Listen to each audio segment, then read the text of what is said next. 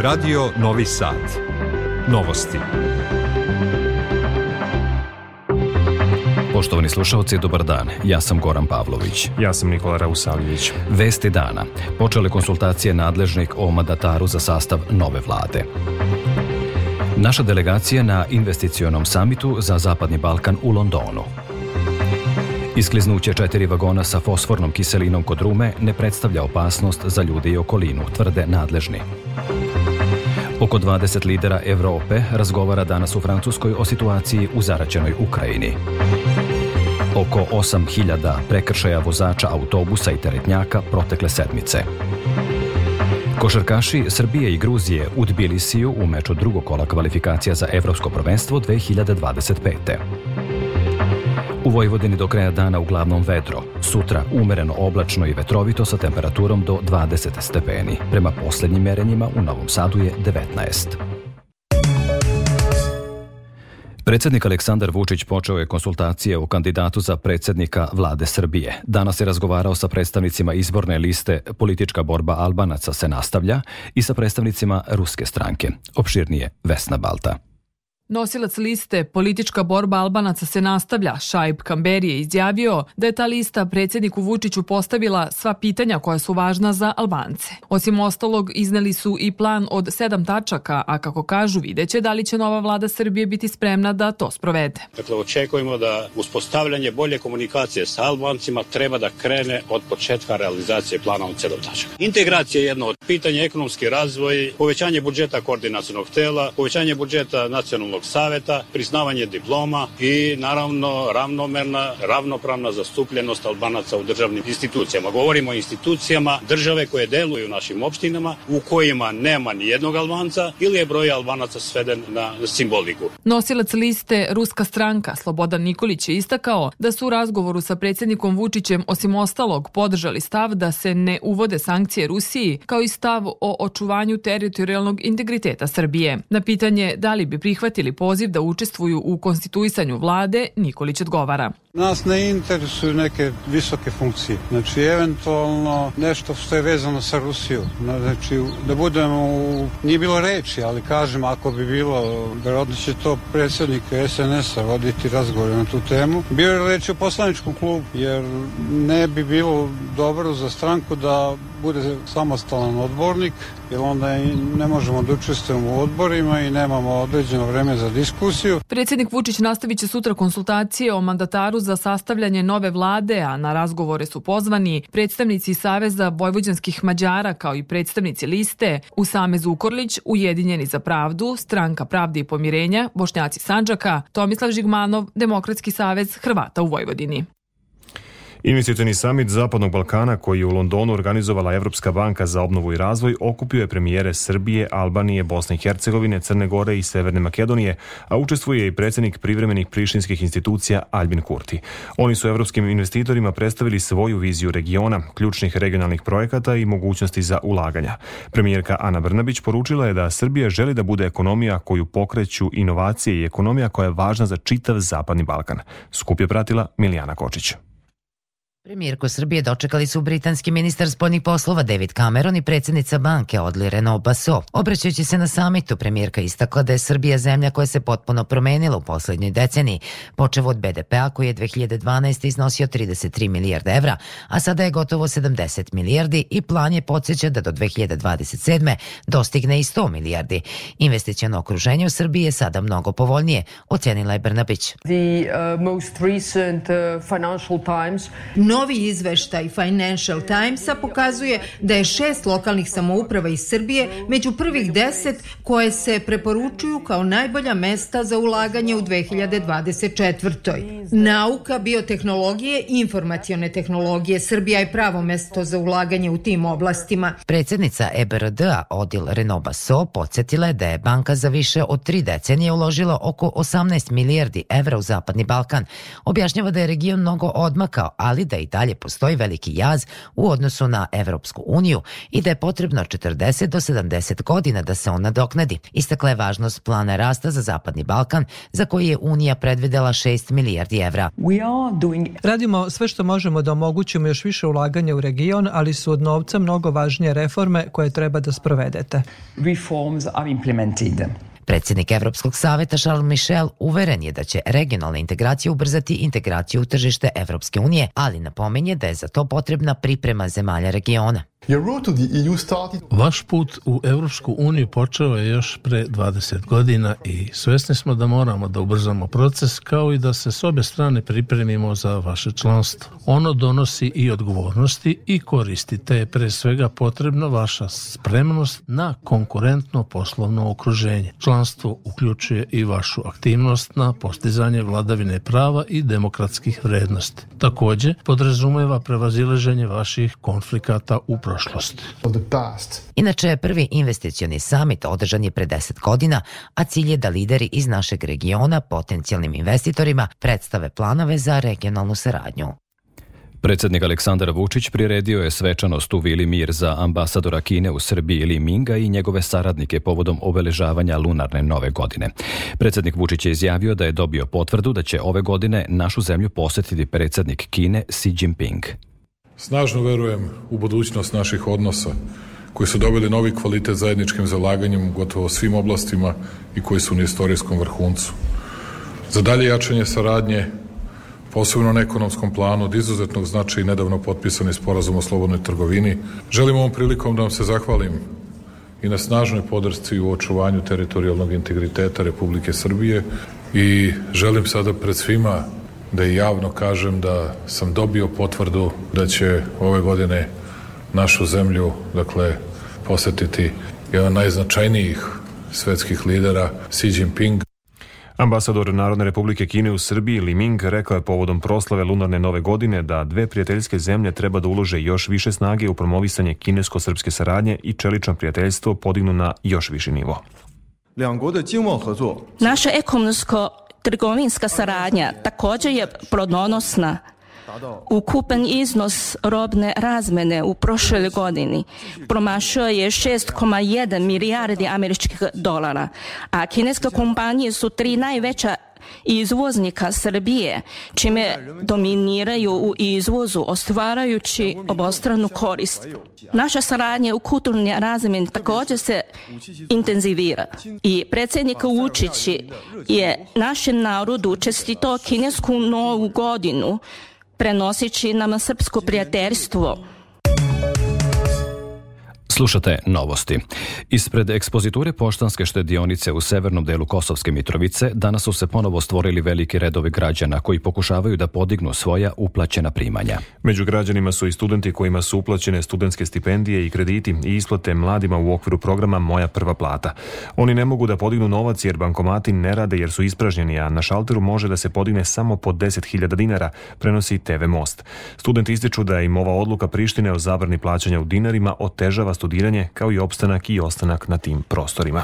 Jučerašnji fizički nasrtaj na sveštenika Srpske pravoslavne crkve i pokušaj zastrašivanja grupe srpskih odočasnika u Prizrenu direktna je posledica činjenice da se mržnja prema Srbima i pravoslavlju u poslednje dve i po decenije na Kosovu i Metohiji politički neguje i toleriše, saopštila je Kancelarija vlade Srbije za Kosovo i Metohiju. Osumnjičeni za napad je uhapšen i zadržan u pritvoru. Eparhija Raško-Prizrenska osudila je incident u Prizrenu kada je, kako su naveli iz eparhije, Albanaca Kosova i Metohije fizički nasrnuo na sveštenika verbalno provocirao hodočasnike iz centralne Srbije i okačio zastavu bivše takozvane OVK na autobus u kojem su bili hodočasnici.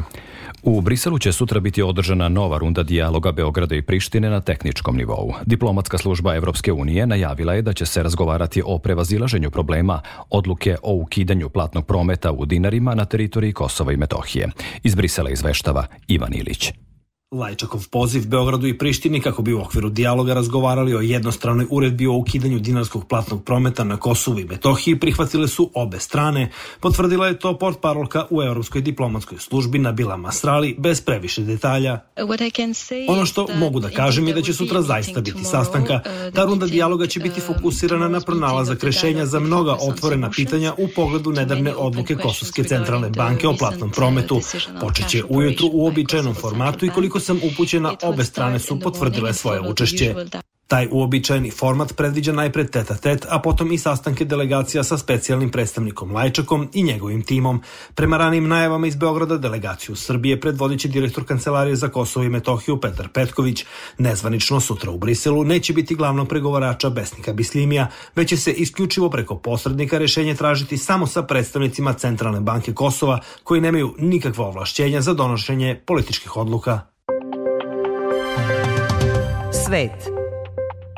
Palestinski premijer Mohamed Štajeh podneo je ostavku i saopštio je palestinskom predsedniku Mahmudu Abbasu. Štajeh je istakao da je to učinio kako bi se napravio širi konsenzus između palestinaca o političkim aranžmanima nakon izraelskog rata protiv Hamasa u pojasu Gaze.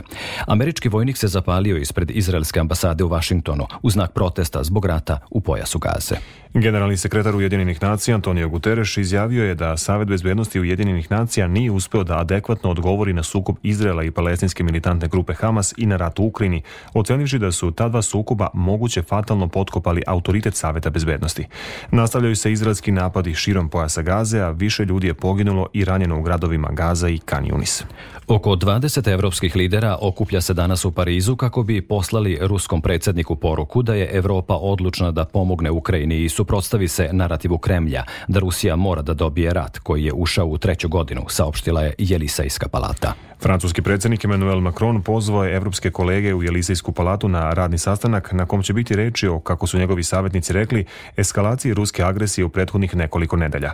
Ukrajinska vojska potvrdila je danas da se povukla iz sela Lastočnikine na zapadu zemlje, navodeći da će taj podes pomoći da se zaustavi napredovanje ruske vojske ka zapadu. U Briselu se ponovo održavaju protesti poljoprivrednika koji se bune zbog jeftine cene uvoza. Oni su sa traktorima ušli u grad, a prema rečima port parolke policije Ise van der Kier u evropskom kvartu je najmanje 300 traktora koji su blokirali i okolne ulice. U gradu se čuju sirene i zapaljeno je nekoliko dimnih bombi, a van der Kier kaže da je situacija u ovom trenutku mirna i da je više stotina policajaca raspoređeno u evropskom kvartu i na kritičnim tačkama i ulaznim putevima. Zatvoreno je i nekoliko tunela, puteva i metro vjetrostanica. Poljoprivrednici su napravili betonske barijere i bodljikavim žicama okružili sedište Evropske unije. Preliminarni podaci o izlaznosti na parlamentarnim i lokalnim izborima u Belorusiji pokazali su da je u nedelju na biralište izašlo 73,08% glasača, saopštila je Beloruska centralna izborna komisija. Predsednik tog tela Igor Karpenko rekao je da su ažurirani podaci o odzivu i da je na spisku bilo 6,9 miliona birača. Karpenko je dodao da će preliminarni parlamentarni rezultati biti objavljeni u toku dana. Danska je saopštila da je obustavila istrage o eksplozijama iz septembra 2022. na gasovodu severni tok kojim se transportovao gas iz Rusije u Nemačku, pošto je prethodno i Švedska prekinula istragu. Severni tok 1 i 2 koji su transportovali gas ispod Baltičkog mora oštećeni su u nizu eksplozija u švedskim i danskim ekonomskim zonama, nakon čega je velika količina metana dospela na površinu.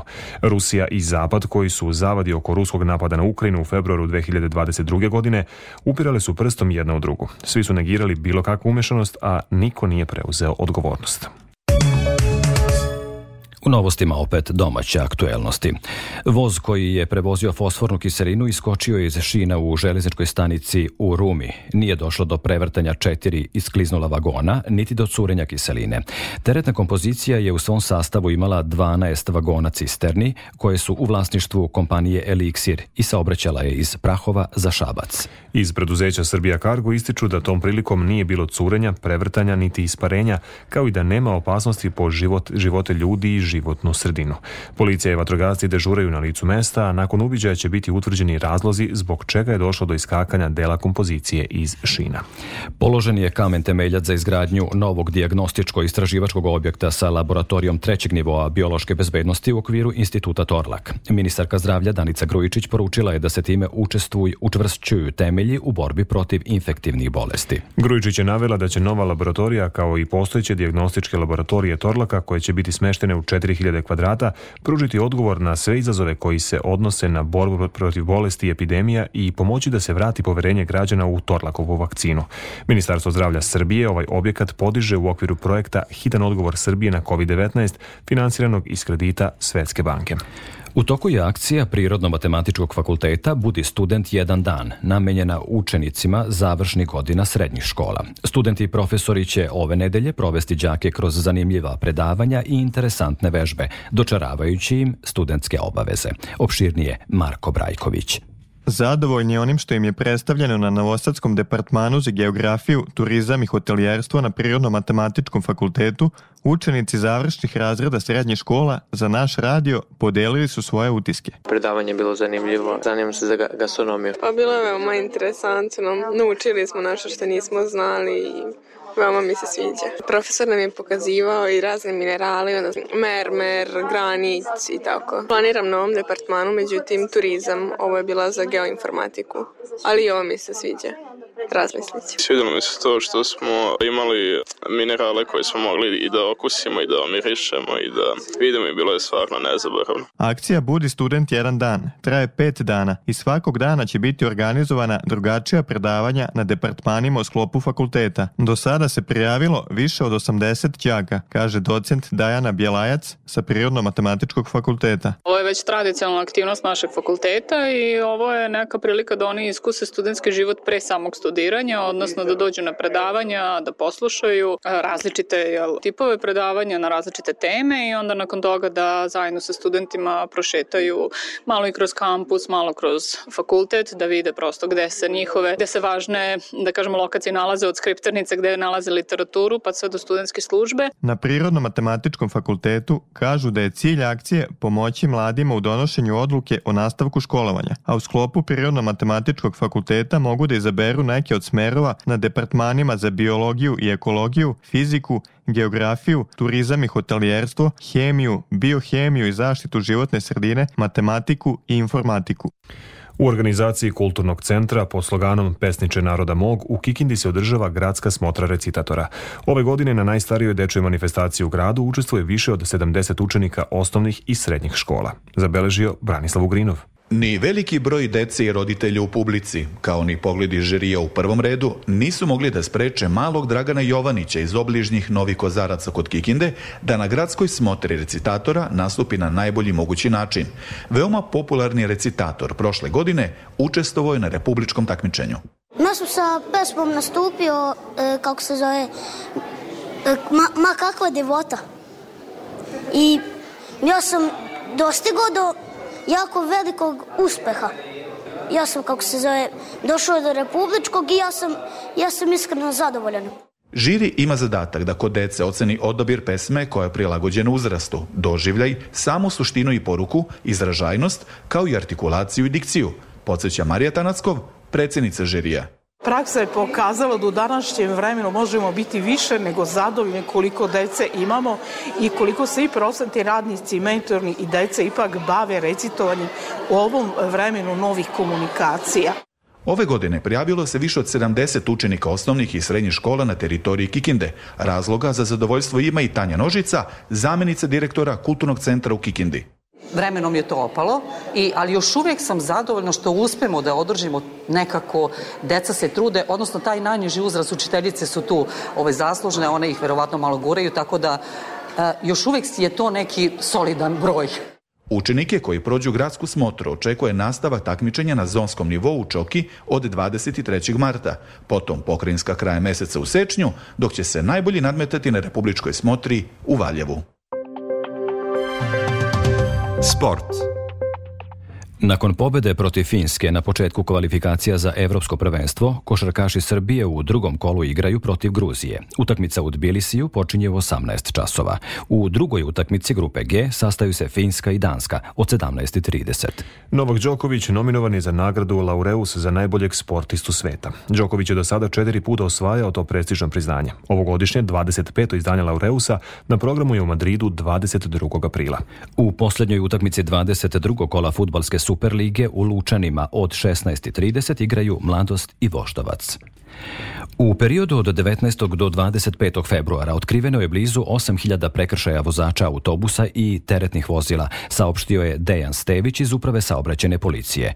On je precizirao da je kontrolisano skoro 10.000 vozača i ono što je zabrinulo jeste činjenica da je skoro 7.500 više od dve trećine njih bilo u prekršaju.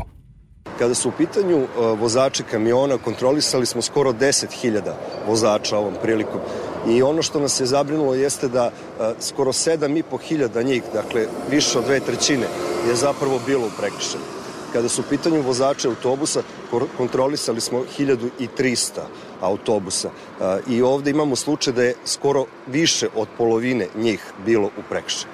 Ono što nas je posebno alarmiralo jeste da smo imali čak 13 vozača teretnih vozila koji su dozvolili sebi da upravljaju pod dejstvom alkohola i tri vozača koji su sebi dozvolili da upravljaju pod dejstvom psihoaktivnih substanci. Kod vozača autobusa najviše je bilo prekršaja koji se tiču trajanja vremena upravljanja i zloupotrebe takografskih listića. Da samo jedan sekund sna za volanom može putovanje pretvoriti u tragediju. Pred kraj emisije još jedno podsjećanje na najvažnije vesti. Počele konsultacije nadležnih o mandataru za sastav nove vlade. Naša delegacija na investicionom samitu za Zapadni Balkan u Londonu. Iskliznuće četiri vagona sa fosfornom kiselinom kod Rume ne predstavlja opasnost za ljude i okolinu, tvrde nadležni. Oko 20 lidera Evrope razgovara u Francuskoj o situaciji u zaraćenoj Ukrajini oko 8000 prekršaja vozača autobusa i teretnjaka protekle sedmice. Košarkaši Srbije i Gruzije u Tbilisiju u meču drugog kola kvalifikacija za Evropsko prvenstvo 2025. Prema poslednjim merenjima u Novom Sadu je 19 stepeni. Da čujemo i opširniju prognozu. U Vojvodini utorak nadposečno toplo, u južnom Banatu i vetrovito. Pre podne pretežno sunčano, posle podne malo da umereno oblačno, ali će se zadržati suvo vreme. Vetar slab i umeren na jugu Banata povremeno i sa udarima olujne jačine jugoistočni. Najniža temperatura od 7 na severozapadu do 13 u južnom Banatu, a najviše od 18 do 20 stepenji. U Vojvodini se zadržava toplo vreme za ovaj period godine. U Košarskom području je vetrovito uz umeren i jak povremeno i olujni i južni i jugoistočni vetar. U sredu malo do umereno oblačno i suvo, zatim do kraja ove sedmice umereno do potpuno oblačno, zaradio Novi Sad meteorolog Miodrag Stojanović. Slušali ste novosti prvog programa radija Radio Televizije Vojvodine. Sve vesti iz zemlje i sveta možete pronaći na našoj internet stranici rtv.rs, gde ovu emisiju možete slušati odloženo. Novosti tonski realizovala Mila Mihnjak, producenti Branislava Stefanović i Zoran Bečejac. Pred mikrofonom su bili urednik Goran Pavlović i Nikola Rausavljević. U nastavku programa sledi Radio Sport. Hvala na pažnji.